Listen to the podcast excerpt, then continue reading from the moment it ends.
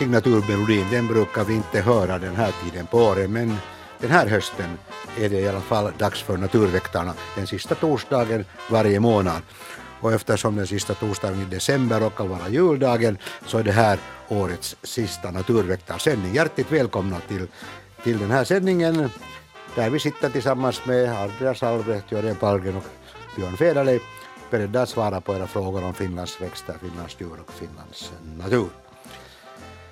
Ni ska ringa till oss som vanligt 0600 11 12 13. Man har kunnat ringa efter klockan 19 men det är nog väldigt få som har följt den uppmaningen så det finns gott om möjligheter att komma med i programmet genom att nu fatta luren och ringa 0600 11 12 13. Då kommer ni till Katriona Sirviö som tar upp ert, ett samtal och så får vi in ett sammandrag av det vad ni vill prata om och så är det Ursula Stenberg som ringer upp er istället. Tapio Lahti sitter också där ute i kontrollrummet och sköter om att allting funkar rätt tekniskt.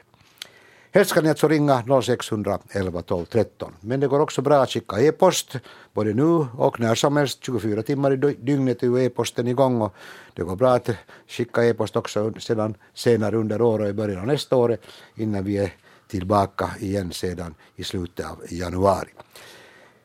Och det är vega.natur snabela yle.fi. Vega.natur snabela yle.fi. Ja, vi tänkte, jag tänkte att när det här nu är den sista, sista sändningen för året att vi lite skulle blicka tillbaka på den säsong som har gått, som har varit lång. Vi började redan i, i maj och så hade vi hela sändningar hela sommaren så har vi sänt i slutet av september och i slutet av oktober och nu är vi här alltså igen. Vad kan vi nu säga, vad har det varit så att säga speciellt med det här sommar och, sommarhalvåret som man kanske nu kommer ihåg? Om du börjar Anders. Ja, vad man nu sen kommer ihåg jo, det. Det, är ju alltid så. ja, ja det, det jag kommer ihåg att försommaren var ganska ganska dålig. Det, det, det, då var det väldigt lite fjärilar och sånt. Det var och lite fjärilar och insekter och jag antar att fåglarna hade det, hade det illa och sen, sen var det ju nog bättre tider emellan. Men det blev aldrig, åtminstone inte för fjärilarna blev det aldrig någon riktigt bra sommar. Nej, trots att det var ganska varmt där i ett skede. Det var ganska varmt och det kom sydväst, sydostliga vindar och allt var liksom laddat för invandringar och allt och det kom inte något, något speciellt. Att det var väldigt lite. Lite besvikelse kan man säga. Det, det var en besvikelse, ja, men sen, sen den här skärgården, åtminstone i östra Nyland, så den det var ju positivt. Blåstången har aldrig mått så bra som nu och, och det har varit, vattnet har varit klart och rent och det har varit på det viset liksom väldigt lyckat. Ja. Att sen västerut har det ju varit precis tvärtom. Nåja, men ställvis nog också där i skärgårdshavet har det funnits gott om blåstång nog. No, det finns ju på grundare vatten, ja. där är ju djupen, men den här grunda skärgården i i Nyland har ju haft det bra. Ja, ja. ja. Så det, har nog, det har nog blivit renare nu de senaste åren, helt tydligt. Men sen hade vi ju nog en ganska enorm algblomning i skärgårdshavet i de yttre delarna. Jo, i, i själva huvud, huvudbassängen av ja. Östersjön var det ju, jag menar det det, de, fungerar nu helt var för sitt grunda skärgårdsområde och, och huvudbassängen. Ja, det är naturligtvis. Och vi får nu ta ut lite glädje åtminstone. Absolut, det ska vi, det ska vi, det ska vi nog göra. Ja, försommaren var kall och dålig och det gick väl inte så hemskt bra för småfåglarna. No för en del arter gick det nog illa, till exempel svartvita flugsnapparna som, som just hade ungar då när det var riktigt kallt vid midsommartid, så, så där dog ju en del av ungarna i boet. Till och med hela kullen kunde, ja. kunde duka under. Men, men sen har andra arter som har haft lite annan annan timing på häckningen så klarar sig väldigt bra ändå. Att det, genast efter den här kalla perioden så börjar ju sen i början på juli en, en varm period och det var ju så att ungefär 35 dagar i ett streck så uppmättes mm. värmeböljetemperaturer i landet. Så det var ju liksom nästa rekord. Det var, det var en dag fått rekord eller så var det så det, det gick just jämnt med rekordet. Ja, ja. Så att, så att, eh, och det, det betydde kanske det att sådana som då kunde lägga en ny kull eller sådana som la en andra kull. Eller som han häcka före det, kom Precis, det här riktigt kalla. ja, det var ju ja. på det, det viset att jag, jag vistades midsommar, midsommaren i västra Nyland och den kallaste dagen då så var det under 10 grader maximitemperaturen. Det var ganska... Det, det är inte sommartemperatur Nej, det. är inte Nej. Eller ibland så är det i Finland på det viset. Ja, Vi det kan göra något åt saken. Och det som ju också var intressant att det var länge väldigt dåligt med svamp men sen när det väl kom så kom det åtminstone Karl Johan kanske mer än någonsin förr här i de här våra trakter så att säga. Ja, men det var också ojämnt. Det kanske var det ja. Det var, det, vi hade inte så hemskt mycket hos oss och, och vissa andra trakter hade inte heller. Att jag var och tittade i våra specialskogar som jag inte säger var det är och det Nej. fanns nästan ingenting där. Ser du, ser du. Jag kan rapportera raka motsatsen nu. Jo, i, Åbotrakten åkte man ju med godståg ut och Nå, plocka nästan svamp. Ja, ja, det, var, det var nog faktiskt så att man kunde ta bykorgarna med sig om man, Ja. om man bara hade, hade tid, tid till det så att säga. Ja, sen, sen har det ju nog funnits svamp ganska sent också. För, bara för någon vecka sedan så, så plock, plocka, plockade man i, i, i, bland- runt där i mina fritidstrakter gott redigt med kantareller till exempel. Ja, och trattkantareller finns och, och Ja, ja. frostvaxskivling finns en hel del nu. Nu, nu och de tål ju, de tål ju de här småfrosterna ypperligt. Så de är i bästa skick nu. Så att man kan bra gå ut i skogen och, och sö- söka också, också de här trattkantarellerna kommer ju igen så att säga där de, och det kommer Ja. kanske nya också efter att har, en del har frusit bort så att säga. Problemet är ju det att om man jobbar så är det mörkt när man kommer hem. No, det är ju just det som är det, som är det problematiska och det, det, det är nog ett faktum att så här i, sent i november så är det ju redan vid tretiden börjar det skymma så att säga här i våra trakter. Ja, tidigare, ja, ti- man, tidigare hinner, man hinner inte ut. Nej, nej det, det är ju bara utan det är då veckosluten man får, får så att säga ta till för att kunna klara, klara av den, den, den saken. Jo, det, det som har ur vår synpunkt har varit intressant har varit de här orkidéförekomsterna som har rapporterats. Ja, ja de, har ju, de har ju dragit nytta nog av det här rikliga, rikliga vetan och värmeböljar i, i kombination. Ja, ja. Fast de nu har kommit lite efter varandra, men i alla fall. Jo, det ska nog bli intressant att, att nästa sommar följa upp, upp de här som hittades både i, i det där i väst, väst ja, framförallt i Västnyland så att säga, Ja. som, som, som hur, det, hur det har gått med, med dem om, det, om, det, om, om de fortsätter att finnas där och då kanske vi kan få dem också så att säga. Och, det, och eh, bra beläggexemplar som vi kan få bestämda ordentligt Ja. och så vidare. Men att det, var, det var ju nog intressanta fynd. Så. Så det, det, det, det är alltid lika, lika spännande och vi är lite bortskämda med de här sällsynta orkidéerna i vårt program för att det började redan på 80-talet med, med, med en del för landet, landet mycket sällsynta och till och med nya, nya arter så det, det är ju faktiskt intressant.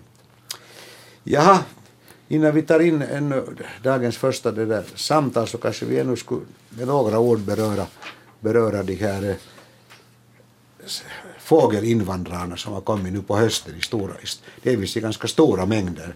Vi talade redan för en månad sedan om både nötvecka, Nötvecka. och, och nötkråka väl också. Kanske lite, ja. Lite. ja. Men det har, det har funnits en hel del men så har det kommit en del andra också. Ja, sedan senaste sändning som var sista torsdag, torsdagen i oktober så, så det där kom det en kraftig invasion av tallbitar. Den är ju en sån där stor som en liten trast, en, en finkfågel som, är, som lever väldigt hemlighetsfullt liv i barrskogarna i, i, i det där i den så kallade taigan, alltså i Finland, i norra Finland och sen längre österut. Och, och sista dagarna i oktober och första dagarna i november så var det ett jättefint streck av de här fåglarna på olika håll. Det är på sex olika punkter räknar man över 2000 sträckande fåglar mellan första, nej, 31 i tionde och 5 i elfte, alltså en vecka. Och typiskt var att de största antalen räknades vid västkusten, men också inomlands i Taipalsaari. De, de kommer med några års mellanrum. Ja, de kommer, de kommer oregelbundet och, och, och de, sen då när de kommer så stannar de ofta här någonstans och äter rönnbär. Men för tillfället så, så gick den här kraftiga, kraftiga det där, an- flyttningen gick förbi och, och, och det är lite oklart nu att var finns det riktigt av dem för tillfället. man kan ju frå, fråga sig det här med rönnbär. Det finns ju enorma mängder Ja. rönnbär för tillfället och, och, och det förefaller som om, som om det bara går åt en liten del av, till, de trastar som de håller till här i, Ja, i våra- varje, fall, i varje fall här i sydkusten så, så, så är det nog så att, att de har nog inte ätit just alls. Nej. Eller i, i varje fall inte de här rönnbären som finns då i, i, det där, i tätorterna men, men nog sen på landet så finns det nog stora trastflockar som till exempel-. Jag till exempel var Läppträske i Karis för, förra, förra söndagen och där var tusental björktrastar som åt rönnbär som fanns i de olika skogsdungarna. Precis. Ja, det, det finns ju nog en, en, en, en risk för att, för att det där att, att det kan gå så att alla rönnbär inte ens går åt den här gången. Ja, jag har ti- tidigare alltid sagt att, att, att man ska bara ha tålamod så nu går de sen. Men ibland så händer det att, att de helt enkelt inte... Det finns inte så mycket fåglar att de ska kunna äta allt. Att vissa, vissa, kanske vart tjugonde år så händer det så. No, de faller ju nog ner sen och så kommer... Jo, nu är det något annat som De blir nog uppätna Jo, jo, ändå. alltså de, Så är det. Vi behöver inte vara ledsna för rönnbärens skull. Nej. Nej, det, det, och det går ju bra att plocka dem också och laga rönnbärsgelé och, och sylt och annat, annat gott. Nåja, men nu ska vi ta in ett, ett samtal i alla fall och jag säger hallå, hallå, det är Naturväktarna här. Nå, hej, det är Fredrik Svartis här från Grankulla. Nå, hej, hej. Ja, det där, jag skickade in, jag skickade in en, en sån här en fjäder och, och det där, jag undrar vilken stackars fågel som hade fått sätta livet till för att det där, så mycket känner jag, känner jag till fåglar nog att jag vet att det är nog en hök som har varit i farten och, men, men alltså jag, bo, jag bor faktiskt här i Grankulla och det där och, och, och det här är så ett litet gårdsområde här, jag bor faktiskt nära, nära er, er sympatiska, charmiga sekreterare Ursula här alldeles. Oho, oho, Jag, ja. här- jag vet inte om hon har märkt det, men här är nog finns sparvhök, sparvhök och duvhök. Hon, hon, hon små, småler alltid där ute. Ja. Okej, nåja. Ja, Men att, här, här på gården så vi faktiskt vid, alldeles vid en lek, lek, lek, sån här sandlek, lek, lek, lek sån här eh, låda så, så när jag gick ut med hunden så såg jag, såg jag en massa fjädrar och, och faktiskt när jag inte riktigt vet vad det är för en fågel, det, det, det, det kan ha varit, det, det var just den tiden på året att, att, den, att den första kullen av någonting så hade, hade liksom säkert blivit flygfärdig och det där och, och, och den hade då, och alldeles tydligt att så hade höken ätit och lämnat en massa fjädrar och jag plockade upp en sån här och, och det där och skickade den till er om ni skulle kunna veta vad det är för en fågel. ja, Ja, jag ska beskriva den här fjädern. Den är eh, 17 centimeter lång och, och den är tecknad i mörkbrunt, rödbrunt och vitt. Och den har kanske tio sådana här mörkbruna tvärband som är typiskt så här sneda i 45 graders vinkel till spolen. Och, och det var genast bekant för mig, det är gök, en stjärtfjäder av en ung. Är det en gök? Jo. Okej, det skulle jag inte gissa. Mm. Ja, det var intressant. Jag trodde jag, jag, skulle jag luta mot, en, mot någon slags eh, hackspettsort eller No, ja, jag, jag förstår det nog, men alltså det, det är den enda art som har en sån här Aha, träfärgad fjäder och just den här teckningen. just så. Men när du nu säger det där så, så här är faktiskt, eh, jag har hört gök också här. Ja, nu finns de här var. vad det, är det där en årets... Det är årets unge. Unge. Det är årets unge. Det Ja, det är en årets Ja, unge det det är årets unge. Så det där kanske Ja, inte så. hört av sig, men, men, men kanske mamman som har lagt det där ägget någonstans har, har hört av sig så att säga. Eller pappan i varje Eller fall. pappan kanske ännu hellre, ja precis. Okej. No, men Ja. det, var, det, var, det var jättebra att jag skickade in den för då, Ja, då lärde ja. jag mig något, något nytt hur en gökfjäder ser ut så Ja. jag är på nära håll. Just det. Det är en vacker, vacker fjäder faktiskt, det Det får man säga. fjäder. Ja. Ja. No, men jag tackar så jättemycket. Tack ska du ha. Tack. Ja, tack. tack. Bra. Ja, hej då. Hej då. Hej då. Nåja, jag fick här ett, en e-post alldeles just som heter, som heter Om dimma. Det är en dam i Närpes som säger att det var mycket mera dimma i Österbotten än nu, förr än det är nu för tiden. Och, och de har ingen, ingen så att säga bra förklaring till varför det, var- varför det har så att säga skett en förändring på den punkten. Har vi någon förklaring? Alltså var det så att det, var, det har varit mindre dimma nu än vanligtvis? det, det var mycket, ja, det var mycket mer för 30-40 år sedan i Sydösterbotten än det är nu för tiden.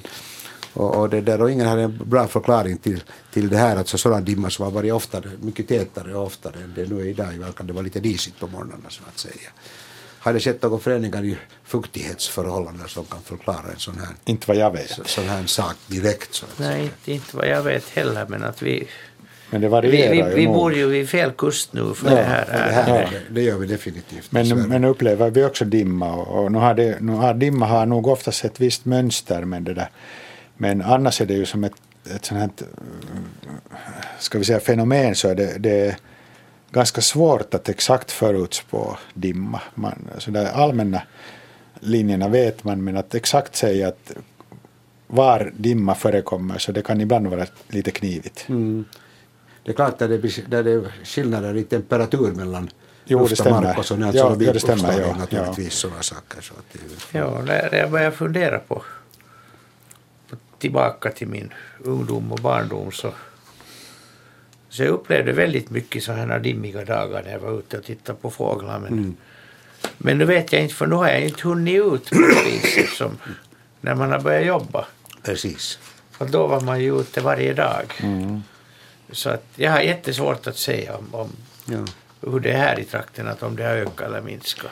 Ja, det skulle vara bäst att ha någon, ska vi säga någon, okej, jag, ibland antecknar jag någonting om vädret, men jag, det är inte systematiskt, men jag tänker på en sån människa som, till exempel en som yrkesfiskare, som är ute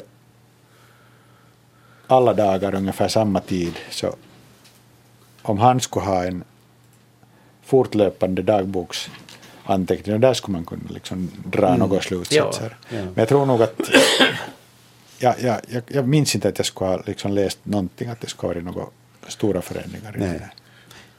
Det är sådär så ofta som man har sådana minnen som alltid som intryck men man kan inte Ja. så riktigt, riktigt så att säga så, ändå- så att säga konkretisera det. Nej. Det, det är ju så. Nåja, för det här, eh, här i augusti så fick vi ett fotografi av fladdermöss som fanns i en, i en fågelholk och jag tror att vi på något sätt kommenterade dem nog då men Karl-Johan Kasson skickade skicka in det, hade missat tydligen den sändningen på något sätt så kanske vi nu skulle komma honom till mötes och, och berätta honom vad, det, vad vi kom till när det gällde de här fladdermössen som fanns det var, i den det, var, det var knappt tio. Ja, 78 kräk. säger, Ja, just det. Säger, säger, säger han. Ja, uppe där i, i, i fågelholken. Det kan nog vara att den liksom blev så där just slutet på sändningen att den kanske föll bort. Det blev, kom någonting plötsligt där på slutet. Ja, det var i Borgå skärgård. Ja, halvön det här. ja, men i varje fall så det, det gäller uh, mustaschfladdermus eller i teorin den, den närbesläktade heter den Brandts mustaschfladdermus eller vad heter den? Det Men- heter väl det, ja. Ja, men den, den här musta, vanliga den vanligare arten är mycket vanligare än den sällsynta så man behöver inte kanske beakta den i det här fallet. Nej, alltså just det. Vad det, vad det är frågan om. Vad, vad, vad, vad är det som, som gör att den nu heter mustaschfladdermus? Har den mera mustasch än de andra eller? Nå, ja, den, men det, det ser man inte på fotona och det ser Nej. man inte heller. Man måste ha dem i handen för att se det. Och det ska man kanske lite vara försiktig med det förstås. ska man inte göra, ja. Syssla med. Så att det där. Ja, Anders, vi har också från, från Sjunde fått ett, ett, ett, ett, kan man säga, ett Reddit getingbo, 50 centimeter, och, vilket ju nog är ganska stort för att vara ett sånt här, en sån här getingmölla, men de blir ju nog så stora, det finns till och med exempel på ännu större, men att, men att den här är nog Jo. ganska ready. Det här är, det här är den största jag har sett som, är, som har den här runda, Precis, ja. som hänger fritt. Att no, normalt så tar alltid någon vägg eller golv eller mellantak emot och så breder det ut sig platt. Och då är det inte, inte ovanligt med upp, upp mot närmare meter. Mm. Men ett 50 centimeters runt sånt här nästan frihängande, det är ju lite fast i en balk här i sidan. Så det är, det tycker jag är enormt. Och det, det är den vanliga getingen som gör det här, alltså Vespula vulgaris som är fortfarande nog den vanligaste getingen hos oss. Och de kan vara ganska vackra de här så att säga. De, är- de är vackra, ja. Ja, det var Mikael som frågade. Han, han undrar också hur, hur de bygger så här i, i sektorer eller här Ja. liksom fjäll och inte i, i spiralformade. Det är så att i början när de bygger bo så, så måste de sitta på kanten av den här nya boet. och bygger och då drar de en liksom runt, runt hela en enkel, en enkel strål eller tråd av det här pappersmassan. Ja. Men sen när det blir större så sitter de där och så utan att flytta sig så för de bara med munnen av och an som vindrutetorkare och bygger på. Och då blir det sådana här sektorer. Och man kan se precis på de här sektorerna också att om, om de har använt olika färger, att, där har den avbrutit och flugit efter mera och sen kommer det så börjar det med lite annan färg. Och därför blir de så här randiga. De kan ju bli vackert rödrandiga om det råkar vara rödmyllehus i närheten. Jo, jo, då kan de ha ofta också satt en, en del, en, en, en stump eh, är rött och sen är det grått emellan. Och man kan se, de ser ut som års, årsringar de här i, på de här sektorerna eller, eller fjällen. Men att det i själva verkning, verket så är det, visar den hur många gånger den har varit där och, och fyllt på. Och det här boet är väl vid det här laget så att säga tomt. De är, no, de är inte tomma men Nej, jo. getingarna är borta. Borta, Där är en ja. massa annat intressant nog i dem. Precis. Men man kan så att säga ta ner det vid det här laget om man så önskar. Det, det är nog helt bra att ta ner för att Nåja, de använder ju det på nytt. Men å andra sidan så är det nog helt bra också att lämna de här parasiterna där för, för nästa år. Så du menar som, som håller koll på getingarna sen. Jo, jo, för att om det finns färdigt så har getingarna mycket mindre chans att, att bygga stora bon. Precis. De bygger ju inte, bygger ju inte samma bo. De bygger inte samma, men Nej. de använder nog det här materialet, men inte i så stor utsträckning. Helst går det och samlar in nytt. De samlar nytt mest nog, ja. Ja, så att det kan vara, man kan ta ner dem, men man kan lämna dem där i, på vinden eller vad det är. Så får de så av sig av parasiter och, och sen, sen kan man ta, på sommaren kan man ta bort. Bort den, Måste, man- måste man skriva med tuschpenna på boet det och det års bo? Eller? De är nog väldigt sköra de där boerna. De, de håller inte, man märker nog när de Okej, blir gamla, ja, de, de säckar ihop Ja. och där går. Ja, det är nästan omöjligt att jättesvårt att få ner ett sådant bo utan att det skadas. Man ska nog vara otroligt skicklig för det. Jo, jag har nog, Jo. jag har nog sett, jag har fått, fått i museet Ja, hela sådana här bon och tyvärr sen när de förvaras länge i museet så håller de håller ju inte i nej, längden. nej tyvärr. Bra, då tar vi in följande samtal. Ja, vi ska se telefonnumren nu. 0600 11 12 13. 0600 11 12 13. Ta och ring. Och det, och det följ, följande person gjort. Den säger hallå, hallå, här är Naturväktarna. Ja, det här är Mats Roos i Helsingfors. Hej. Jo, hej, hej. Jag ska börja med att ge några kommentarer till ja, de där rönnbären Ja. som inte går åt. Uh, I i, den, i Härtonäs uh, så såg jag häromdagen en mycket stor flock med sidensvansar. Jaså? Men de var, de var minsann inte på något rönnbär. Aj. Jag vet inte vad de, vad de gjorde där då, men alltså de flaxade omkring. Och, den, eh, och eh, å andra sidan så har man inte sett någon eh, komma och äta något rönnbär och det finns ju massor av dem. Ja, ja det brukar ju nog höra till Ja. sidensvansarnas stapelföda. Men har du Jörgen, noterat sidensvansar här i våra trakter? Ja, nu har jag sett, men, Ja. men inte, inte några stora flockar, bara sådär 50 högst Ja, just största. Och, Ja, det här Och- var nog säkert hundra. ja, Ja, och ja. De, kan ju, de kan ju sen om det, om det är varmt och flyger insekter så fångar de gärna insekter nog. Att, att det, Ja, ja jag så, ja. Ja, så. Sen så ska jag berätta att um, uppe vid uh, Vandra Långforsen på en, på en vandring så, så den stötte jag på för det första en, en, en flock med steglitsor som, som dök upp. Och i sällskap med dem så, så dök det upp en, en flock med uh, gulsparvar. Och i den flocken så det, fanns det också en stenbit. Jaså, jaha. stenknäck. Jag ser, ja. Det är en knäck. Ja. Ja, och så, att, eh, så det var ovanligt. Jag tycker det ser man inte så ofta. Nej, nej. Ja, det var ju trevligt. Ja. Ja mm. Skojiga iakttagelser. så, sen så tänkte jag ännu kommentera om de här våruppgifterna av den här kölden. Jag, har, hade hemma i Kvarnbäcken en, en holk med, som bosattes av, av eh, svartmesar. Ja, Och den, De matade oerhört intensivt. När det var som intensivast skulle jag säga att var femte sekund så var, det, så var den tillbaka med, med mat. Nå, sen plötsligt var de alla försvunna, var det tyst och fanns det ingenting. Och då gick jag och inspekterade holken, men där fanns inga döda eh, svarta människor, så de hade nog klarat sig. Ja, Så det är nog ojämnt. Just det är oroligt. Ja. Ja. Bra. Nå ja, det var Det var roligt allt. att höra. det var allt, men det var skojiga iakttagelser. Ja. Tack ska du ha. Tack. Tack, hej hej. Nå ja. Här kom ju också e-post om en större hackspett som sitter på en, en stamme. Det är en sälj eller vad det nu kan tänkas. ja, jag tyckte det såg så ut som en sälj. vara, vara en större hackspett som, som hackar på någon, någonting och nu undrar Peter vad den här, det kommer från Åbo det här e-posten, att vad den riktigt sysslar med där inne. Har du någon synpunkter på det? Det ser ut som en... Det kunde vara en svamp eller en brödbit eller någonting. Lite svampaktigt. Jag tyckte det såg ut som en svamp. Ja, det var ju en den- annan bit där till höger. Och det är inte så en lite Ja, mindre bit. Mm, ja, är om, om det var, men...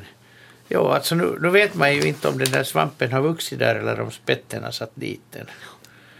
De, de brukar inte syssla med sånt här på sommaren.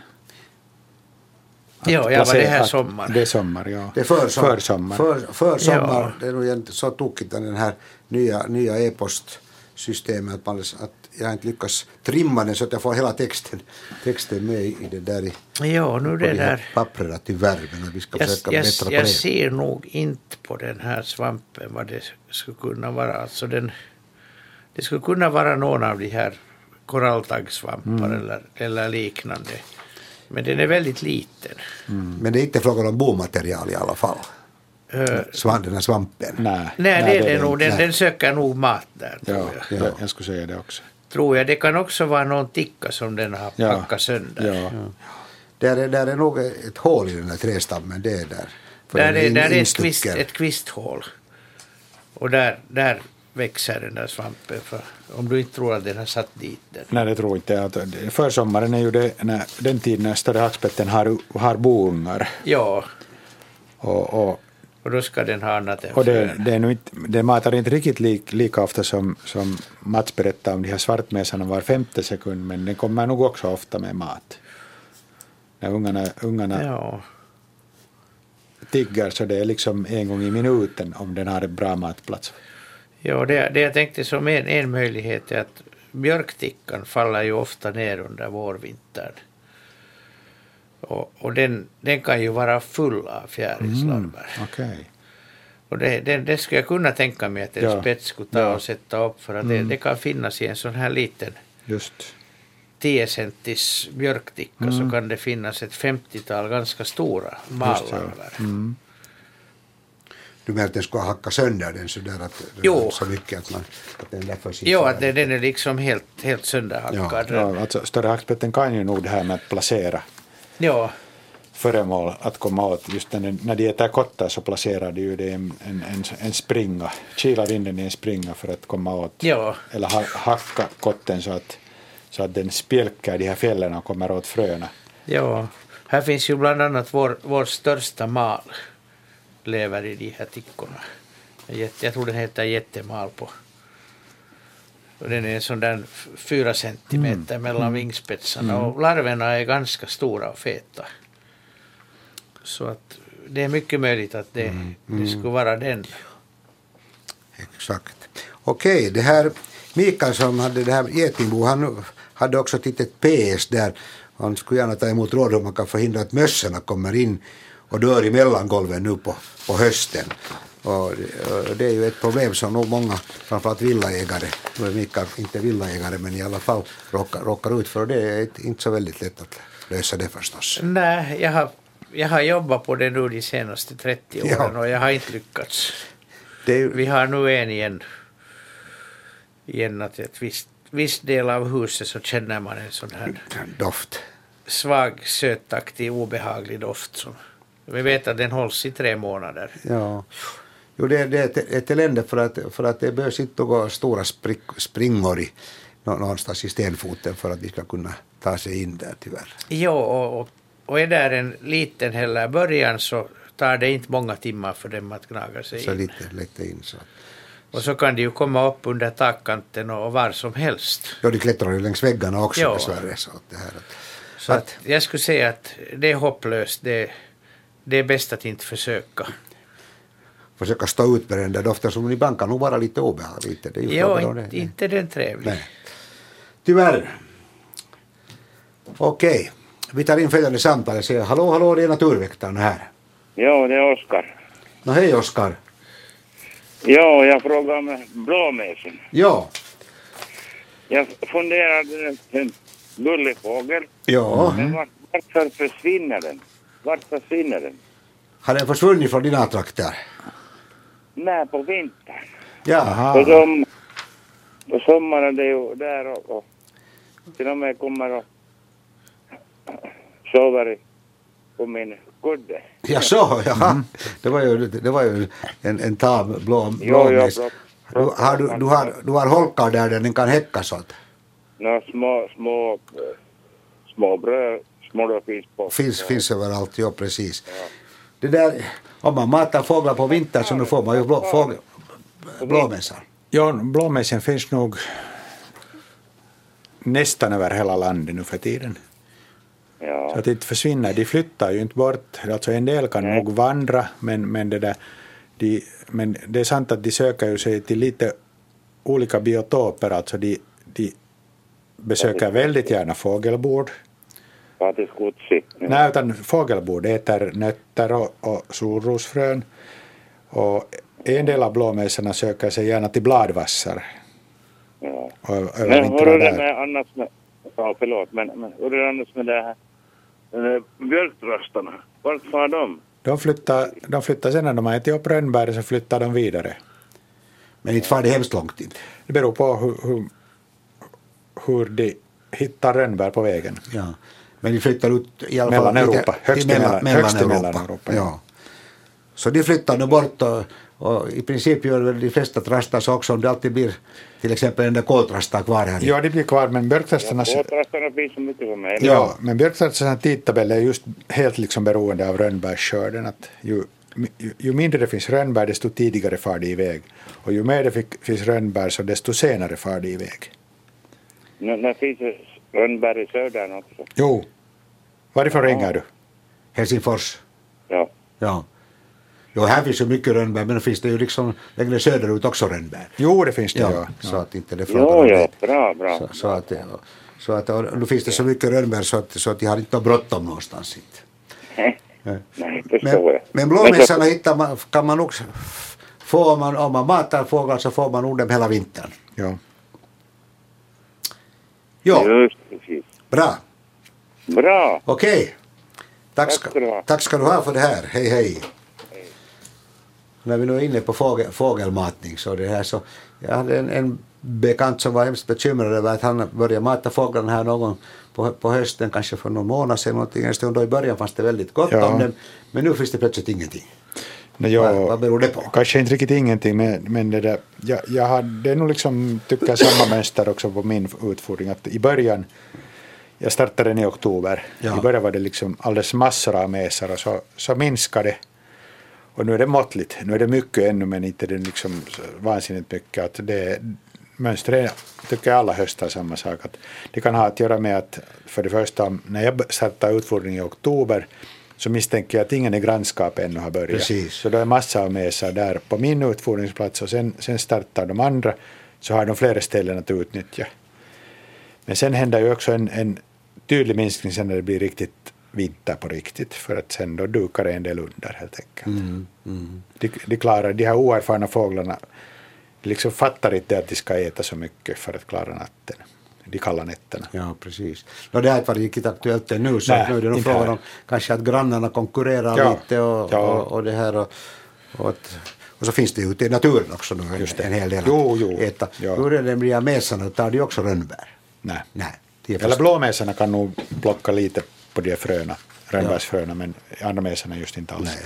Hur, hur, har du, hur har du upplevt det här med utfodring? Du har ju också utfodring. Jo, jo jag, har, jag har och det är nog, det är nog mycket mesar nu. Ja. Och det, det har varit väldigt mycket grönfink också, Ah. ovanligt mycket. Ja, Och det där. Men, men i, i oktober så var det väldigt mycket mera, men dels beroende på att det var mycket bergfink. Just det. Och de har ju farit bort, men De har de, var, de var ja. stod för Ja. en fjärdedel. Ja, de äter ju också, liksom, de äter ju också av de här rönnbärsfröna, bergfinkarna, till en liten del. ja, men de kommer, de kommer gärna på, Ja, på utfodringen och, och, och sen pilfinkar så har vi mycket. Men Ja. de, är ju, de är ju sådana som växlar från dag till dag. ja, ja. Och du, du matar alltså i Sibbo och jag matar i Esbo. Ja. Ja. Ja, och, hur, och det, sen är det ju också det här när man börjar mata så ska man gärna fortsätta att, att mata om man inte vet att det finns en granne mycket nära som... Ja, som, i, i, som i gör- tätorten så är det kanske inte så livsviktigt det att fortsätta, men, men är man isolerad någonstans längre borta så är det nog ganska fräckt att sluta. Ja, det, Och då, det, då tvingas de flyga långa vägar och det, det gör de ju. Ja, no, jag en del klarar det nog, men alla, alla klarar inte det. Men att sen, sen blir man utan, sen hittar Ja. de något bättre ställe. Och man ska nog se till att man, man har sitt förråd och sätter ut. Ja. det finns ju sådana automater som... Jo, Men de äter nog med god fart. Det är, Ja, det frågan, det är inte frågan hur mer man sätter ut desto och assisteras de dessutom av veckorna så går det nog. med, med, med god fart. så Ja, att- ja, jag har nog gjort av med 100 kilo solrosfrön. Jag tänkte 100 ekorre.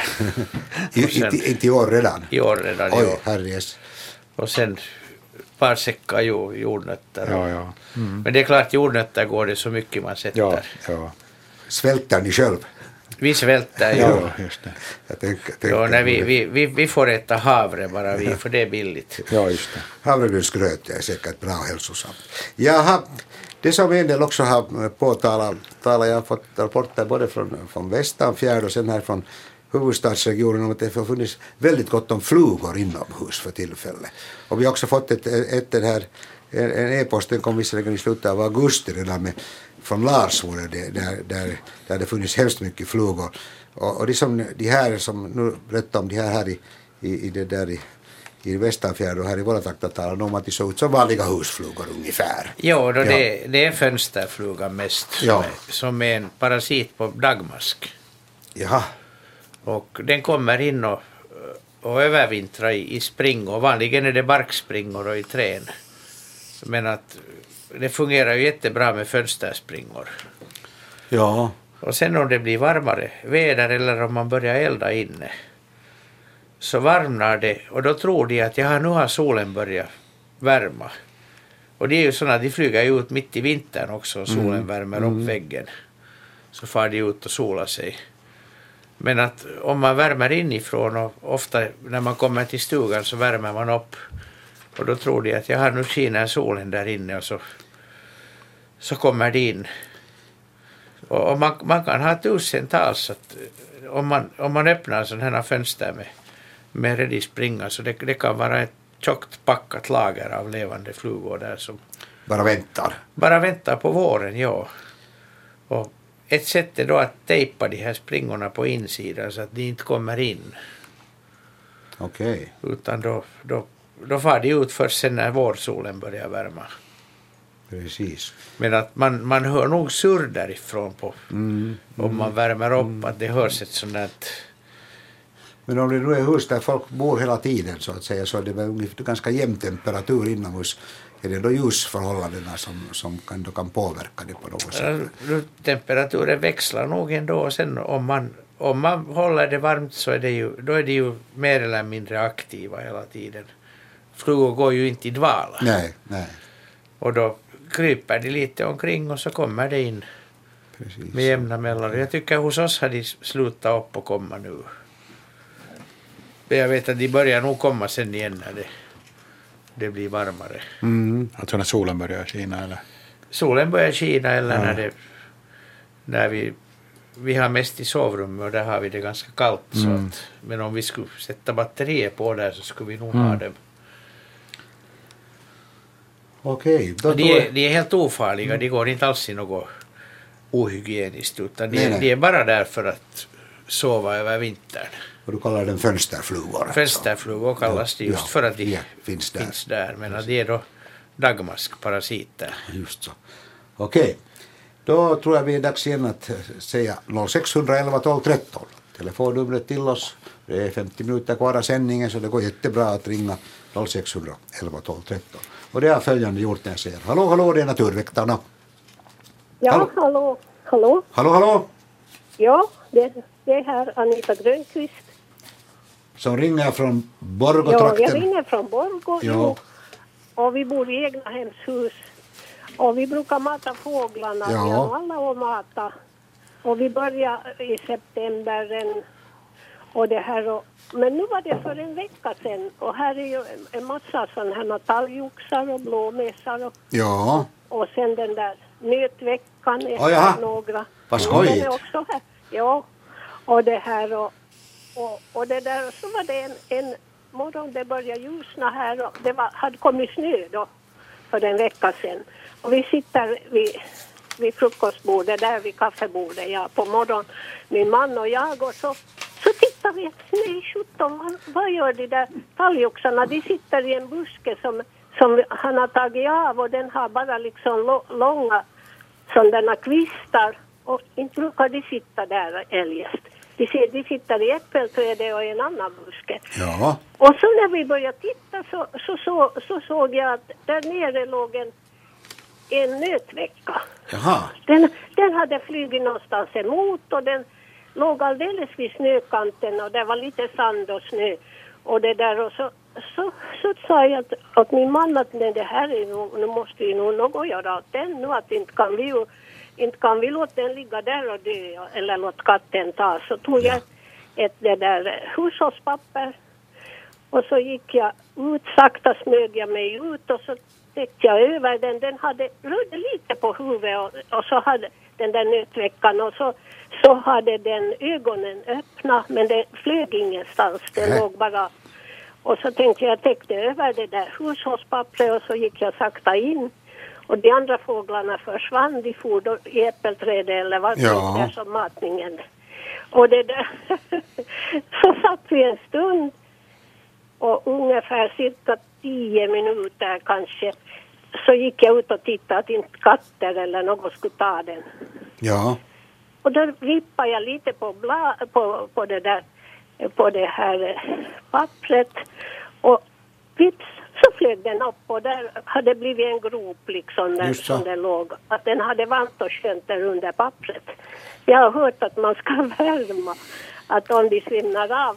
Men det, det som är mitt, min fråga, så varför gjorde de där talgoxarna så att de satt där och liksom kom fram vid fönstret och sitta i en buske som de aldrig sitter just.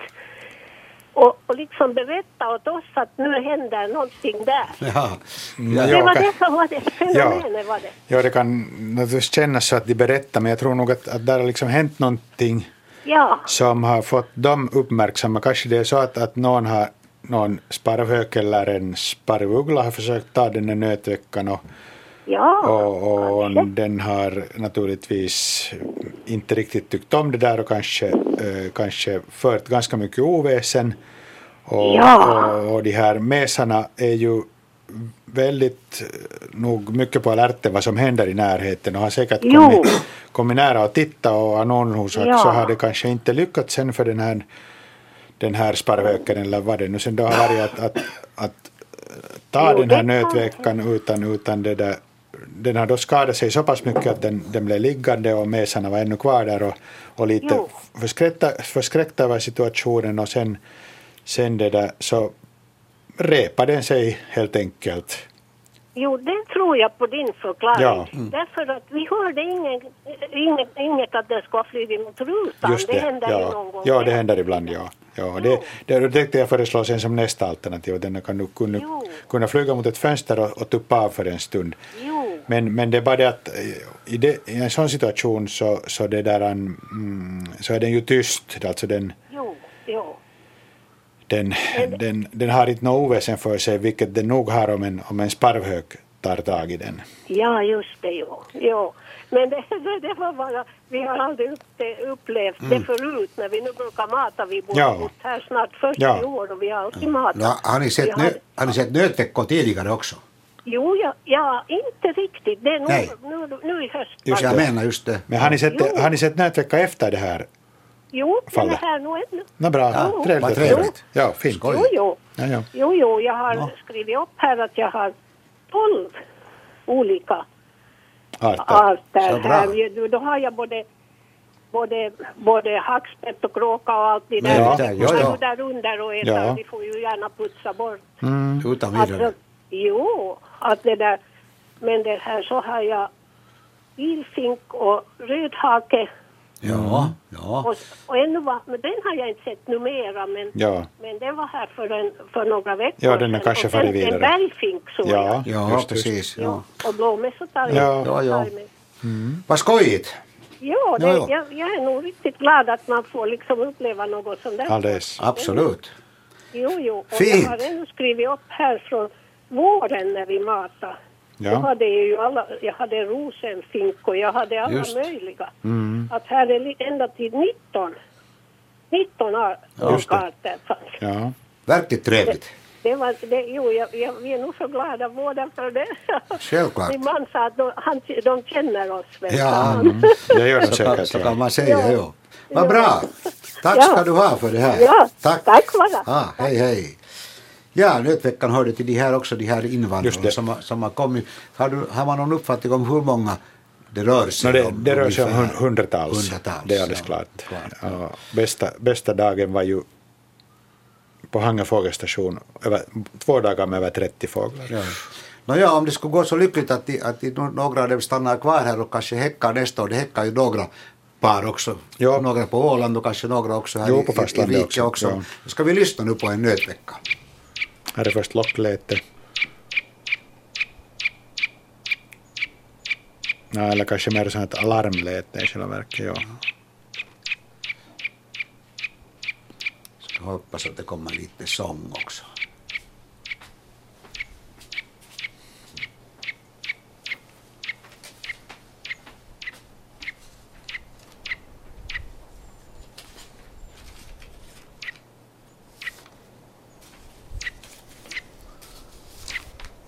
Verkar inte komma någon.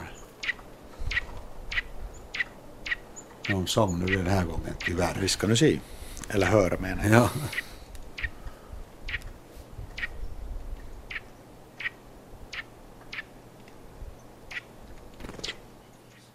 Ja, ja. Har vi någon annan nötvecka på, på, en annan så kunde vi prova för att den här sången är ganska skojig nog att Ja. höra och det, nästa vår så, så om man har tur så kan Ja. man kanske, kanske få, få höra den så att det, det är inte fråga, frågan om frågan om den, den saken. Det är ju nog en mycket skojig fågel det här som klättrar upp och ner längs trädstammen, eller framförallt ner så att säga. Ja. Med huvudet neråt. Nu ska vi se vad det blir något bättre.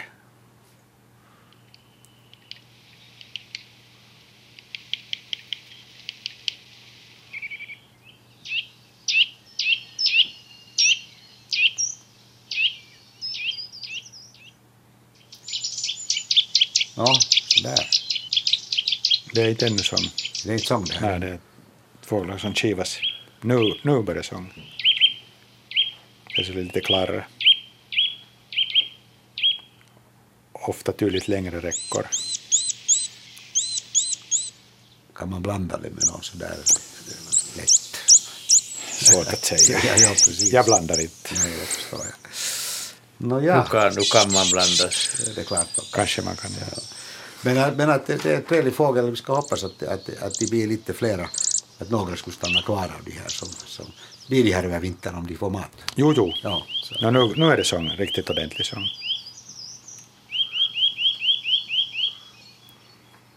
Ganska kraftigt läte.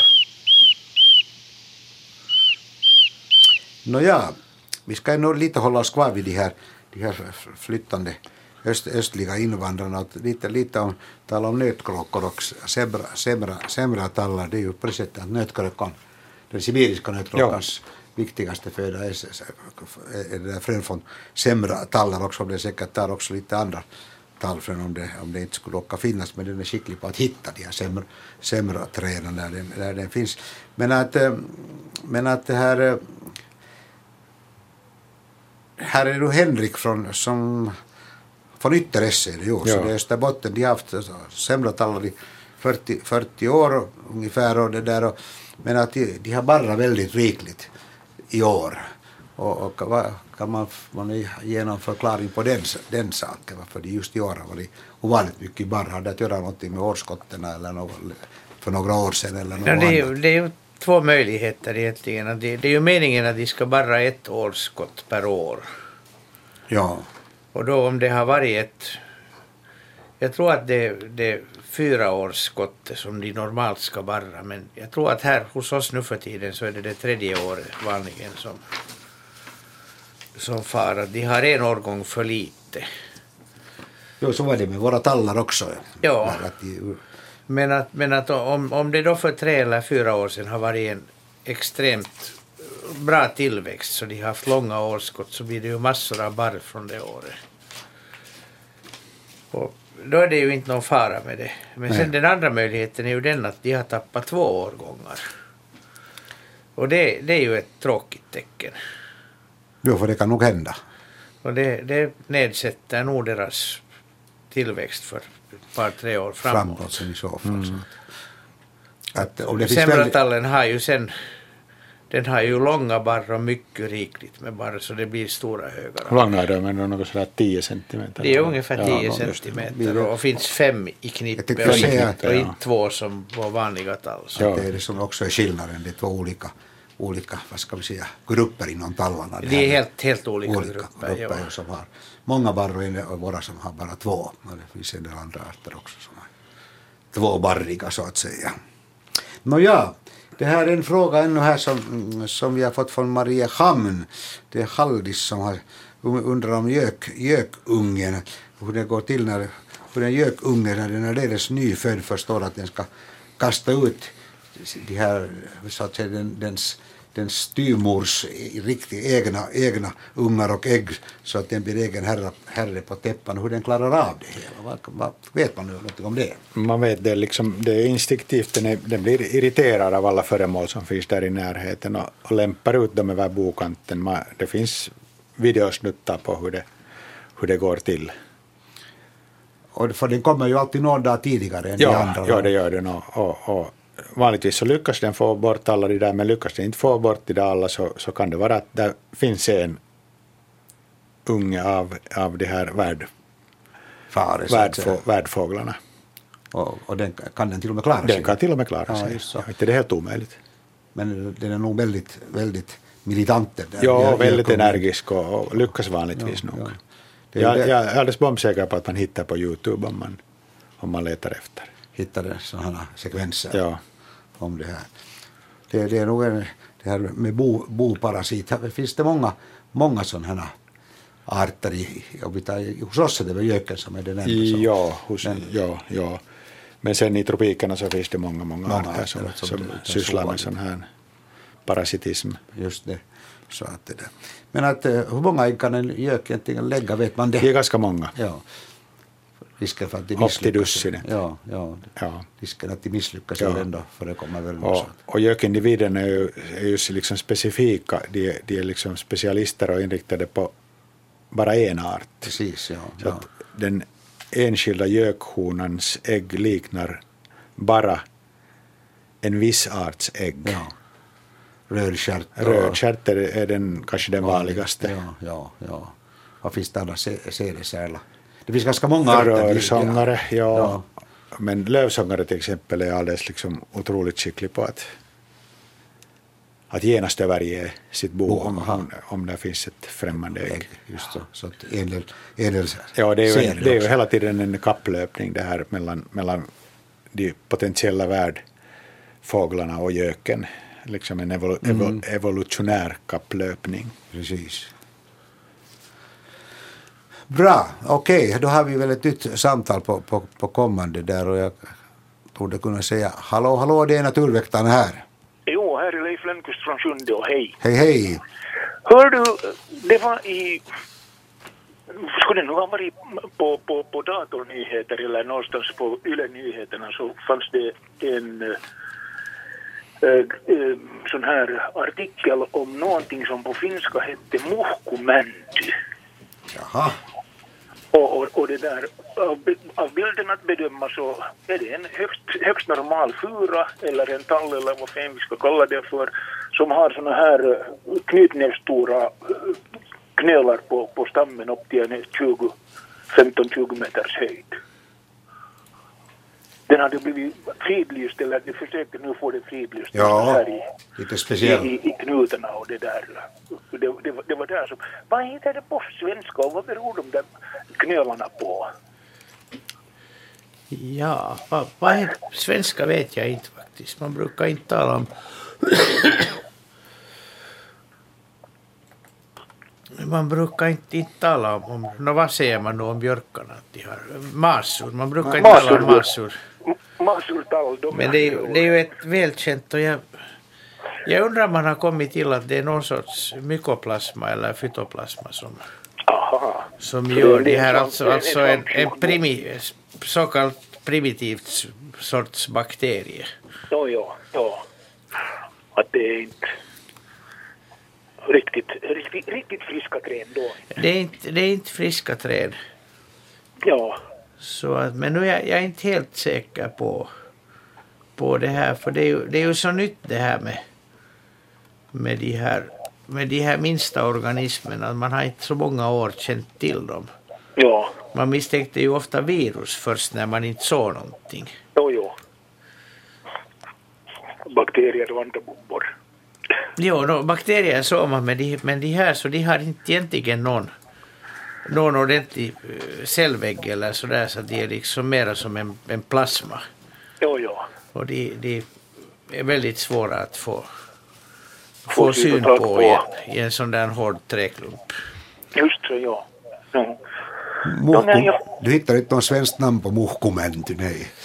Ja, du kan ju titta Det lite. finns- s- det Det, det är ju det att den har... Muhkuramänty, bara. Det finns inte muhkumänty på, på wiki. Det är samma sak. Muhkura, muhkuramänty. Ramänty.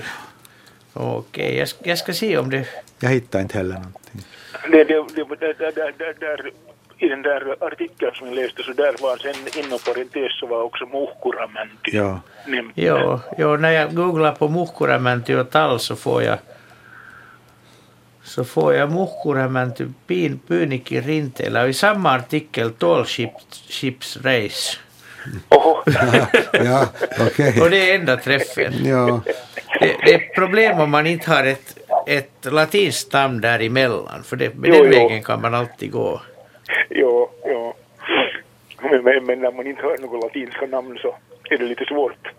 Jo, när jag, jag, jag, men det brukar inte ges på de här, just om de här, de här mykoplasma och de här, man brukar inte använda det. Ja, så det är bara, det, det är bara masursbjörken som, som, som, som har ett eget namn på de här. Jo, no, den, den, är ju, den är ju genetisk, det är ju björken själv så Ja, att säga. ja, ja. Och det ja. där och alar, alar har ju också sån här äk, äkta masur bland annat, men de har ju också sina strål, strålbakterier sen. Ja, ja. Ja, Så att, men jag, jag är rädd att nu, nu, nu, nu blev vi obesvarade. nu blev ni obesvarade med det där svenska namnet. Jo, det, vi kanske kan återkomma, det blir en lång paus här nu, men vi, vi ska nu se här om vi under sändningens gång kan hitta någonting. Men att det, Ja, eller, eller, eller, eller så, så, så, så får de här kloka herrarna på, på, i, i, i, i det här i tvärminne börja hitta på någonting. Någonting, exakt. Jo, eller på Forststyrelsen eller något annat ställe där de sysslar med, sysslar med träd. Okej, tackar för det. Ja, tack för det här i alla fall. Tack. Jo, vi hörs. Jo, tack. Hej då. Hej då. Jaha, här kommer lite e-post under sändningens, sändningens eh, gång.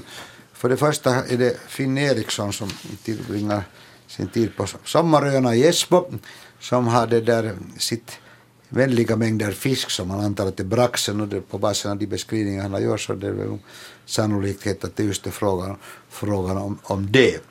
Och tydligen en sån här verkligt massförekomst som han har kunnat, kunnat, kunnat se.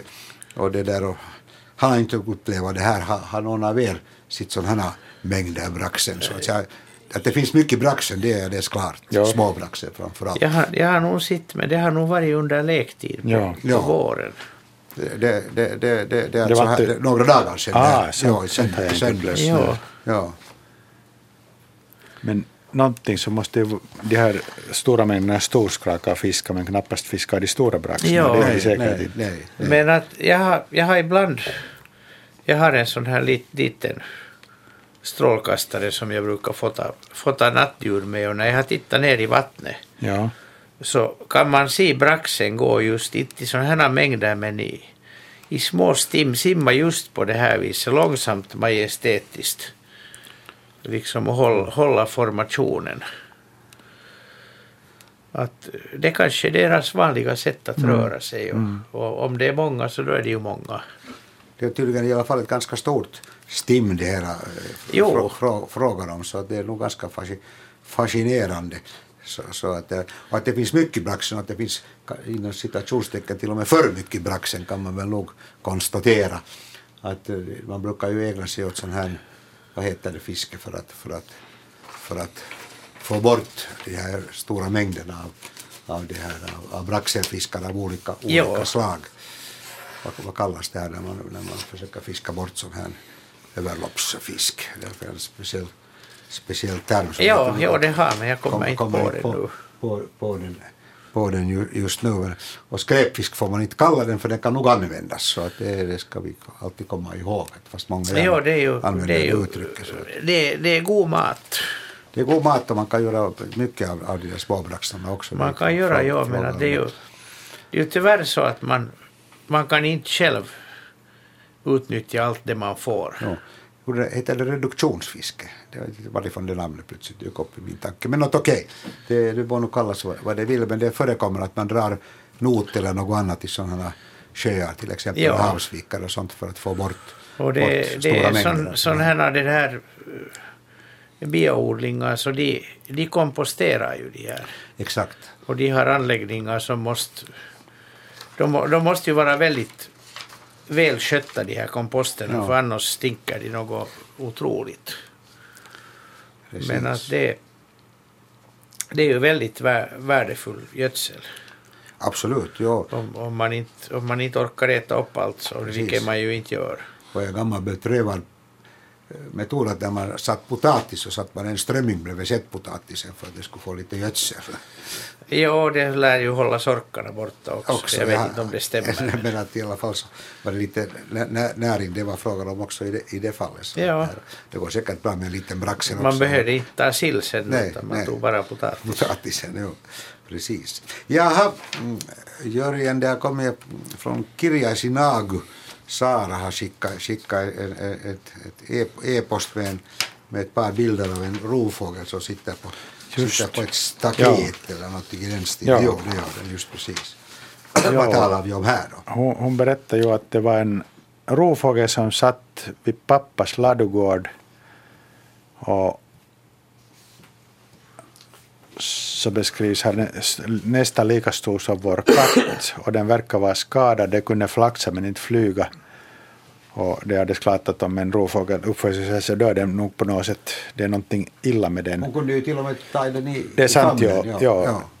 Den satt ett dygn och, och fick sen äta hjortkött och sen flytta Sara eller de den till en trädkoja där den satt ett, ett dygn och nu har den lämnat eller stuckit därifrån och, och på bilderna så syns en ormvråk. Och den är ju en sån här, vad ska vi kalla en medelstor rovfågel, lite större än en kråka, har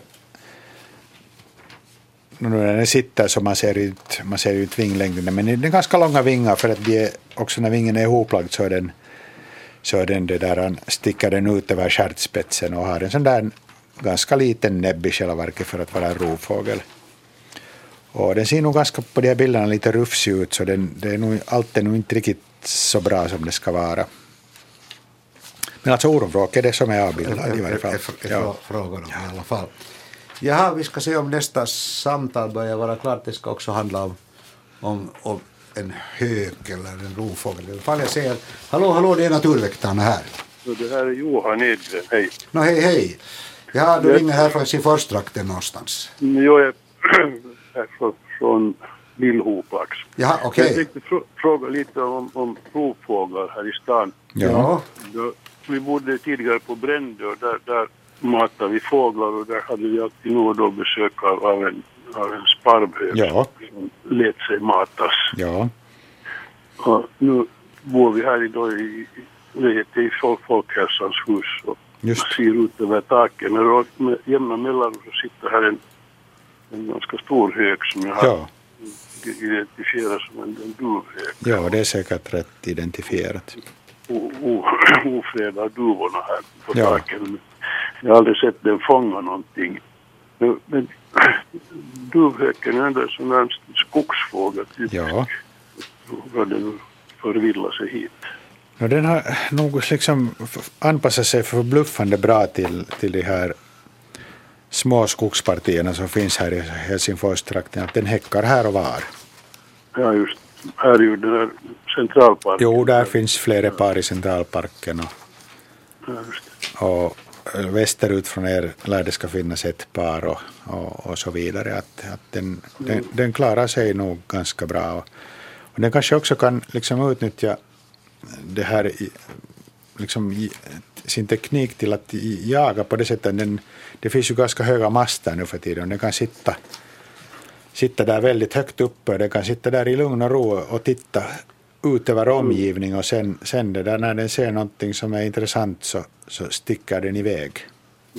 Och den sitter här på en TV-mast. Ja, jag kan tänka mig det. Jag såg just här några dagar sedan när jag åkte spårvagn så såg jag, ja, det var senaste lördag, så satt det på, på, på, på Stockmans högsta punkt där uppe på en antenn. Ja, just. Och alldeles liksom säkert liknande sätt just att, att den, den då sitter där, den får vara där i fred, den känner sig inte ho- hotad på något sätt, den är anpassad till det stadens rytm och stadens oväsen och så vidare.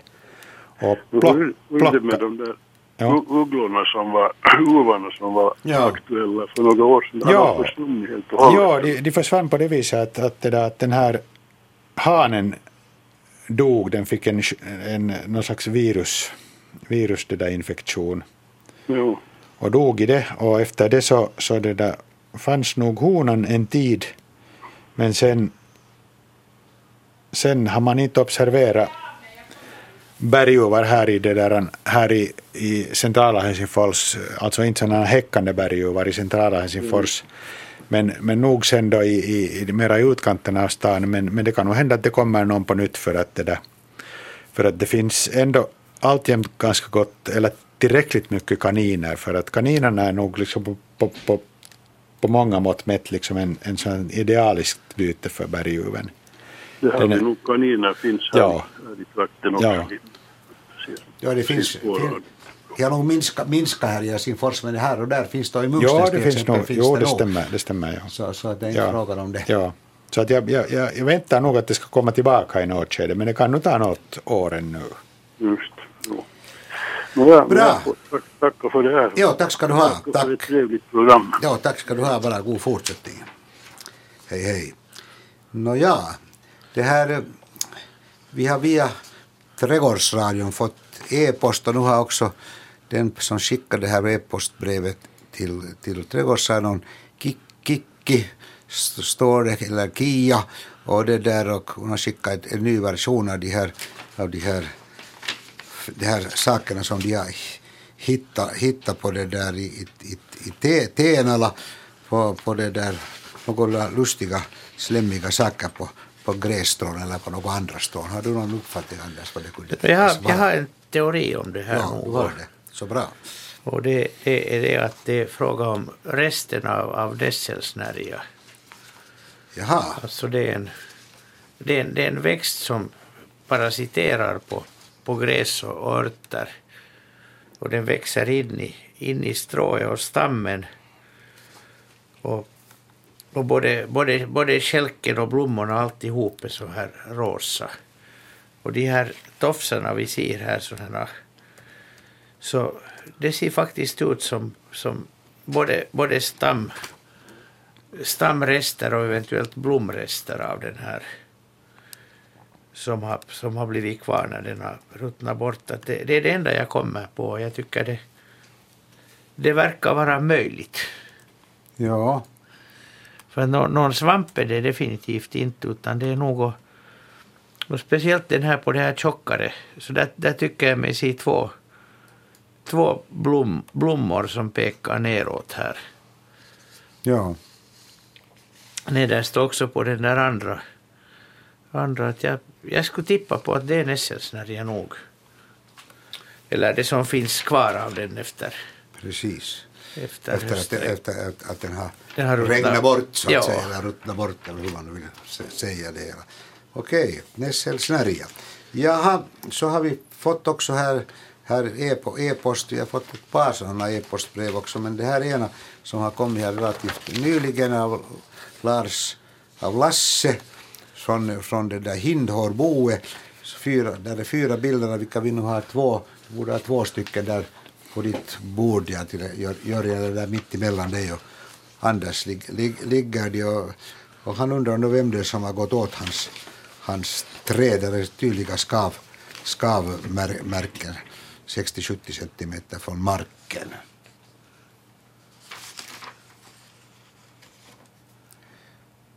Har ni någon, någon teori? Tyvärr så fungerar inte vår färgprinter här för tillfället så det får nöja oss med svartvita bilder men att det där man ser nog ändå ganska bra de här så att säga skavverken här. Ja, en sådana här märken så är ju, är ju åstadkomna av, av till exempel hjortdjuren som, som det där han skavar sina Horn. horn för att, för att slita bort skinnet som finns där. Men de här ser liksom mera våldsamma ut, de här spåren. Det liknar inte riktigt, passar inte riktigt bra in på hjortdjuren.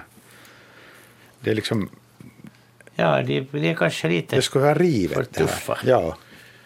tuffa. Man, Vad var höjden från marken? Det, det här var något Det- 60-70 de är centimeter ganska från lågt. marken. De skulle vara sådär rådjurshöjd. ja, ja. Men lite för mycket Det slitage ser, för ja, man ser ju nog inte skalan riktigt. Att hur stora träd är det? Ja, men där, där berättas att det är 60-70 centimeters höjd. höjd från, från marken, på den platsen det kan man kanske dra någon Så det är ungefär 10 centi då. 10, drygt 10 centi. Diametern på trädet. Ja, Hitta inga klöv eller hovmärken där Mm. bredvid. ja. står det någonstans vad det är för träd? Nej, det gör det, gör det nog inte. Vi ska se om man på basen av den där bilden så kunna se. För se. att det där... Om, om, det, om det är asp eller poppel så då skulle det nog kunna vara i alla fall fejningsmärken. För Mm. att den, De är ju väldigt lavbehängda, vilket mm. kanske inte ja, riktigt för tyder på den, asp. deras, deras bark på äldre träd så den går väldigt lätt upp så här, rispas Ja. upp. Det finns i alla fall på gårdsplanen. Planen, jag tycker inte att, att, att en asp ska ha så här lavklädda stammar, så där rikligt med lav. Jo, det, det har de nog. Det är ju rik, rikbarksträd. Jo, jo, men det här är ju det här, det här är nog rikbarksarter. Det, där som, det är svårt kanske nog att se vad det Det där är nu Parmelia sulcata och den är sådär nog mer, ja, mer, mera rikbark. Det har du rätt i, ja. Och den är ju vanlig på asp. Asp och... och. Ja, det är det att lön, lönnen är betydligt tuffare. Ja, Ja. Och det där... Man, man, men jag har svårt att, att se vad, vad det nu är för träd egentligen. Ja, jag tycker förgreningen är nog inte riktigt asp. nej, nej. Men, Men men man vet man- inte om, om de är sen kött. Men så här ser man här att här på marken så finns det sådana här flisor. Det ser liksom mera ut som det ska vara i en... Någon som ska skrapa med klorna? Ja, ja. ja, det, Ja. sätt, det misstänker jag lite. Men Och vem Ja. sysslar nu då med, med, med, med sånt för att, för att knappast är det nu en björn vi talar om i det här fallet i alla nej, fall. det är Så- det, så- det, så- det, är så- det säkert inte. Det, det är så nära marken dessutom. Ja, alltså, ja. Jo, alltså, men väntas nu. Katt kan ju nog liksom vässa sina klor men det blir vanligtvis inte så här liksom systematiskt och så här stort. Jag, sk- jag, skulle gärna, gärna nog, jag skulle gärna nog se det där trä närmare för de här flisorna kan faktiskt vara aspvedbock. Ah, okej. Och då, hade, då kan det ha varit någon som har varit för att komma Ah, åt, de där, det. Ja, ja. åt de där larverna där. Ja, den är det. stor och den, den äter ju just sådana här flisor Ja, okej. som, som vanligen inte kommer så mycket ut ur trädet. Mm. Men det kan vara alldeles fullt där inne. Just det. Ja, ja. Och då, i så fall skulle det då vara asp eller pop. Ja. Mm. Men kanske, Kanske Lasse, Lasse kan säga vad det är för trädart det är frågan om. Att om det är en app så är det här åtminstone en bra Det är en, en möjlighet, ja. Så, så, så att det här att, Ja, ja det, det står faktiskt inte vad det är för. nej, det gör det inte. Så, så att det där att... Okej, vi ska väl se om vi så småningom kan, nu kan få in ett nytt, nytt, nytt samtal här. Men att det här...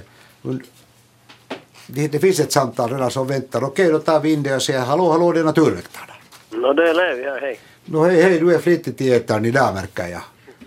Ja, Du var hos Thomas på förmiddagen om jag kommer rätt ja, ihåg. ja, ja, ja, ja, ja, du hört.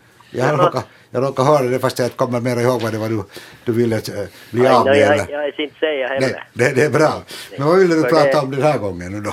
Nå, jag skulle vilja fråga varför det där rönnbären är svarta. En del. Är det Inte bara alla, men en- rönnbär är en del svarta? svarta. Ja. Vad beror det på? Är de helt svarta eller är det sådana svarta så att säga områden på dem? Nej, nu är de liksom helt svarta. Helt svarta. Jo. Och så är de röda på, på ena sidan vägen är de svarta, på andra sidan vägen är de röda. Är det så? Alltså alla, Jo, alla är det. hela, allihop svarta i någon rönn. Jo, i en del rönnar är de helt svarta. Vad kan det bero på? De, de, som jag, de svarta som jag har sett har varit på samma sida av vägen som de röda. Men, där, Ja. men, men du har sett rönnbär Ja, också? jag har sett röda och svarta om varandra. Ja. Ja. Jo, Ja, alltså det, det, finns, det finns ju en, en hel del odjur som lever inne i rönnbären, bland annat rönnbärssmalen och så finns det Ja. så finns det vivlar som lever inne i, i rönnbären. ja. Och de ät, äter ju inifrån och då börjar det ju ruttna inifrån. Jo, just jo. Så det, det, det är möjligt, men det brukar sällan vara så att alla bär i en rönn skulle vara svarta. Jaha. Utan det men brukar enligt vara- mitt- jo. Här och där Jo, jo. brukar det vara. Jaha. Men jag har nog sett Jaha. sådana just att, att det liksom hela rönnen ser svart ut. Jo. Man får det intrycket, ja. Jo, Ja, jo. de, de kan ju nog vara väldigt effektiva de angreppen när det Ja. vill sig. Jo, aj, jaha, det är så. Jaha. Och, och de där para, Jo, parasiterna vädrar naturligtvis morgonluft också när det finns gott om rönnar. Så att, jo. Jo, jo. de, de, de kommer ju dit, de läggs ju, läggs ju ägg i, i blommorna eller i de unga. Ja, Och just efter blomningen. Och så le, lever de där väldigt snyggt och, och skötsamt under sommaren för att inte skada sin mat. Och sen, sen när det blir dags för dem att göra en sista rush så då äter de, äter de tomt och sen, sen får det ruttna om det vill. ja, just så ja. Jo. Borde man då liksom plocka sådana bär och titta hur de ser ut? Ja, men de har, de har, de har nog stuckit ur dem. Ah, just det. Nu, Ja, de, de är ja. nog inte kvar. Var är de nu då? De är i marken. marken Ah. Ja. Ja, ja. Så Jaha, att, jaha. ja, det, är- det är inte hälsosamt att hänga där i rönnbären på vintern. Det är sant, ja. Finns det då där i marken där under någonstans? Det är där under, Är det längre, ja. någonstans längre borta? Nej, de faller, faller Ah, rakt ner just det. Ja, enligt ja. Newtons lagar. Ja, det är just det. Nå, sen Ja. skulle jag säga att, att vi har nog haft så dimma här som vi nog inte har haft många år, skulle jag säga. Jaha. Som de inte hade i Österbotten. Ja. Ja, just det. Ja, men, Ja. men det är då, Ja, alltså det är uppe i, i Paipis. Pipis, ja. Det är Pipis, jo, Ja, faktiskt. ja. Ja, Dimma har vi haft. Jo, jo. Och så har vi nog fåglar utav alla, alla de här mesarna, både blå Ja. mesar och allt. Jo. Ja, ja. Ja, Ja. Ja, blir det. Ja. det finns säkert. Det finns det ju. Det är har inte kommit ännu till fågelbredd, de brukar vara. Ja, de de, brukar nog, jag, jag brukar bjuda åt dem nog. de städar, städar nog effektivt där sen. Har du, har du redan börjat med guldsparrsutfodringen? Nej, men sån här, de här grönfinkarna, de har Ja. varit. ja. Ja, De har varit jo. Och havsspetsen har inte heller kommit som brukar Mm, komma. nå, Men det ja. kommer. det hinner, kom nog det genast när snön kom när Ja. man satte ut havre bara Ja, så. just det. Just, ja, i havre vill de ha. De vill ha havre, ja. Just jo, men de här andra vill ju inte, de har Nej, De äter, äter solros och jorden. De ska ha dyrare mat.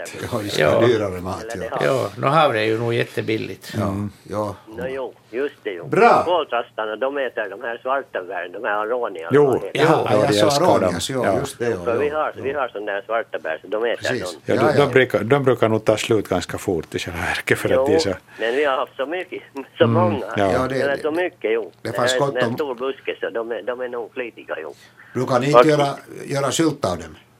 Eller saft? Nå, jag har nu inte gjort sylt, nej nu Nej. skulle man ju kunna. Det man det, kunna det jo, finns ju nog ett ett par arter och den ena åtminstone blir det jättebra sylta och saft också. Jaha, jaha, Så just det. de här är nog köpt från sån där plantskog Säkert, eller sån ja. där Ja, ja. butik. Jo, jo. Att det där, nu borde det gå nu. Pröva, pröva. No, men bra, jag, ska göra. jo. ja, ha det så Men bra. bra. Tack ska det du ha. Tack hej, hej. Anita från Ekenäs föreslår att den här knöltallen skulle heta knottall, åtminstone i västra Nyland. Ja, Det låter ju helt, helt liksom Det låter bra, helt- bra, bra, helt för, för, bra. För, förslag.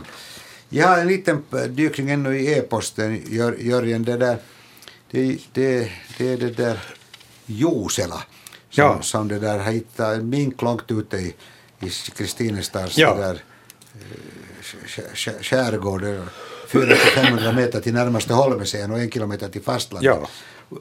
Hur tar den sig dit? Den simmar, Simmar. eller springer på isen. På isen, båda är både och. Både Ja, och, och, ja. och de här är alldeles liksom sådana normala sträckor för en mink. Men sen när det blir över fem kilometer, sen, sen brukar det inte lyckas mera, vilket ju tur för de sjöfåglar som, som häckar där långt ute. Ja, precis. Så vi råkar inte ut för det. Ja. Bra. Det här eh, sådana här skrapmärken eller, eller märken på grenar har vi en annan, kanske ännu lite mer svårförklarlig grej som Stig Sundqvist från Kronoby har skickat tre, tre bilder på där, där de här skrapmärkena är högt upp i på, på det där eh, på det där, den här det här, det här, det här trädet, det- var det en björk det var fråga, frågan om i det här i det här Det såg ut som en björk, Det var en björkstam, ja, Ja, ja, ja. precis. Fem, sex meter upp och också sådana långa, långa skrap, skrapmärken. Han skriver så här, det ser ut som något djur med högre intellekt som skaffat sig tan- tändvirke till en brasa. Så alltså det är sådana flisor det, det handlar om. Och han tycker att det kunde, när det där skulle gå så där högt upp så kunde det till och med vara en björn som har sträckt på, sträckt på sig. är det, är det då ett stort träd det här? Ja, fem, sex, den är fem, sex meter hög och den är avbruten den här, den här Ja. björken och den är ju nog ganska, ganska väl skalad får man säga. Ja, men jag, tycker de här, de här flisorna är nu flera meter långa. Ja, ja. Att, jag, jag skulle nog tippa på att den har, den har fått sig av blixten den här björken. Och det är kanske en möjlighet förstås. Och det där och helt enkelt den är blixtdödad. Och blixten när den, när den kok, kokar upp där saven i, i björken så den spricker. Spränger. Den spränger. Ja, ja, just det. Att jag, jag, jag skulle tippa på det. Och, Ja, det låter nog som en enda vettiga förklaringen. Bra. Men det finns vi- nog inte riktigt något djur som... Nej, inte, inte, inte i dagens värld åtminstone Nej. mera. Någon Tyrannosaurus Ja, men de, det är en liten tid sedan de Ja, fanns. det kanske De inte hade andra träd. jag tänkte säga det fanns andra träd på den tiden och inga björkar. Okej, vi tar in ett samtal som kanske blir dagens sista. Jag säger hallå, hallå, det är naturväktarna här. Jo, jo hej, det här är Eva från Sibbo. Nå, hej, hej. Hej. Jag tänkte säga att jag såg en eh, fågel som jag tidigare har Ja, sett i, okej. i ett äppelträd här i slutet på oktober. Ja. Och, var det, då så var den andra gången i början på november. Just så, Och den beskriv. var ganska stor, liksom, eh, ska jag säga som en skata. Ja, Och så hade den, eh, den var sådär grå-röd ja, på liksom eh, och kanske lite ljusare under hakan liksom där. ja. Men jag tror att den skärten den var ganska kort. Man, man kunde inte se riktigt när den satt ju där bland med lövet. Ja, Men i alla fall så var det på huvudet var grannrött nedan liksom på pannan där och, Ja, och lång näbb hade ja. varit. ja jag, jag är nästan övertygad om att det är en gråspett. Aj, gråspett. ja. Gråspett, ja. en Jag har aldrig sett det förut. Så tittade jag den i, i någon fågelbok fast jag har den där Europas fågel. Ja, nu, du, kan, du kan titta en gång till. Titta Ja, på gråspett och, och titta Ja. gärna på både hane och hona. Och försök, Ja, kanske där finns också ungfågel avbildad. Jag är Ja. själv verkar så ungfåglar kan man inte mera skilja från de gamla Ja, i det här skedet. Men jag, jag tror nog att du hittar liksom tillräckligt med, med drag som passar på gråspett. Ja, Din beskrivning lät just så. ja. Just det där på huvudet, just det där. Ja, den har, Grannröd och hanen, den där hanen har rött där i pannan, ja, just det, på Ja. huvudet. Ja. Ja, just så. Men det var ju bra. Ja, det är skojigt att se en Ja, gråspett. Det, Jag, var riktigt, jag tänker att jag aldrig har sett den tidigare. Ja. Nej, den är nog inte sådär hemskt vanlig också. Nej, man nog men finns här var ändå. Ja. Och man, Ja. kan, man kan också få den att, att det där komma till utfodring om man har fett. Erbjuda just det. fett för fåglarna. Osaltat fett. Ja. Mm. Vilka Ja, är det? är det riktigt på vintern här då? Jo, det är en stannfågel. Ah, jaha. Jag sa att om du nu försöker, försöker gå, gå till någon, någon som säljer lite mer än bara inpackat kött så kanske du kan få en, en liten fläskbit så att säga. Kött, kötthandlarna brukar ha. De brukar nog ha de, en, faktiskt just med tanke på fåglar också. Ja, ja de, har, de har i frysen så det hålls friskt. Och. Ja, så att det, det lönar sig nog att pröva. Ja, Fint. det var intressant att Ja. ha det. Ja. Okej, bra. Ja, tack, tack, Tack för det här. Tack. Hej, hej. hej, hej. Hade vi en gråspett där- så ska vi höra lite hur den klagar. Ja, den trummar. Ja, den är ju lättare att observera på ljudet Ja. Ja. än på ljuset.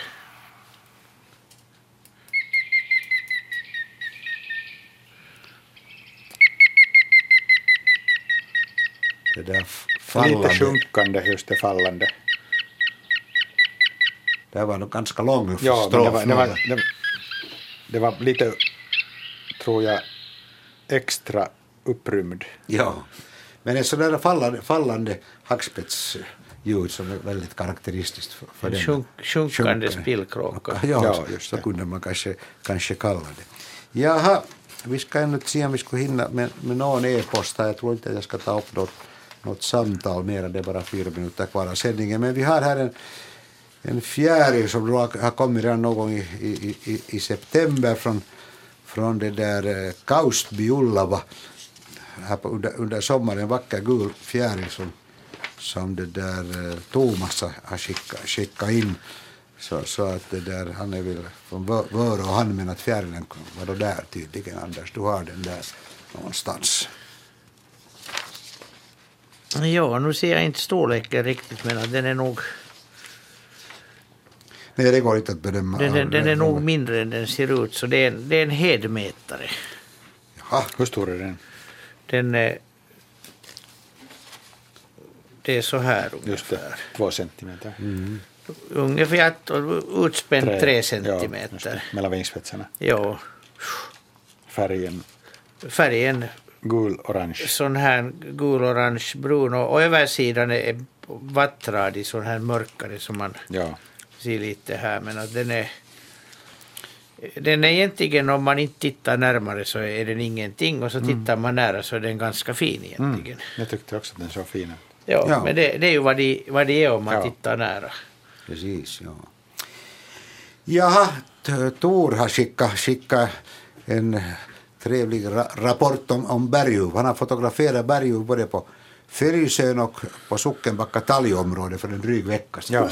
Så, som du sa, i absoluta centrum kanske Ja. man inte ser det, men Ja. lite i, i, i kanterna så, Och det är just det här, jag, jag, det. visste, jag visste om det här också och, och, och det där.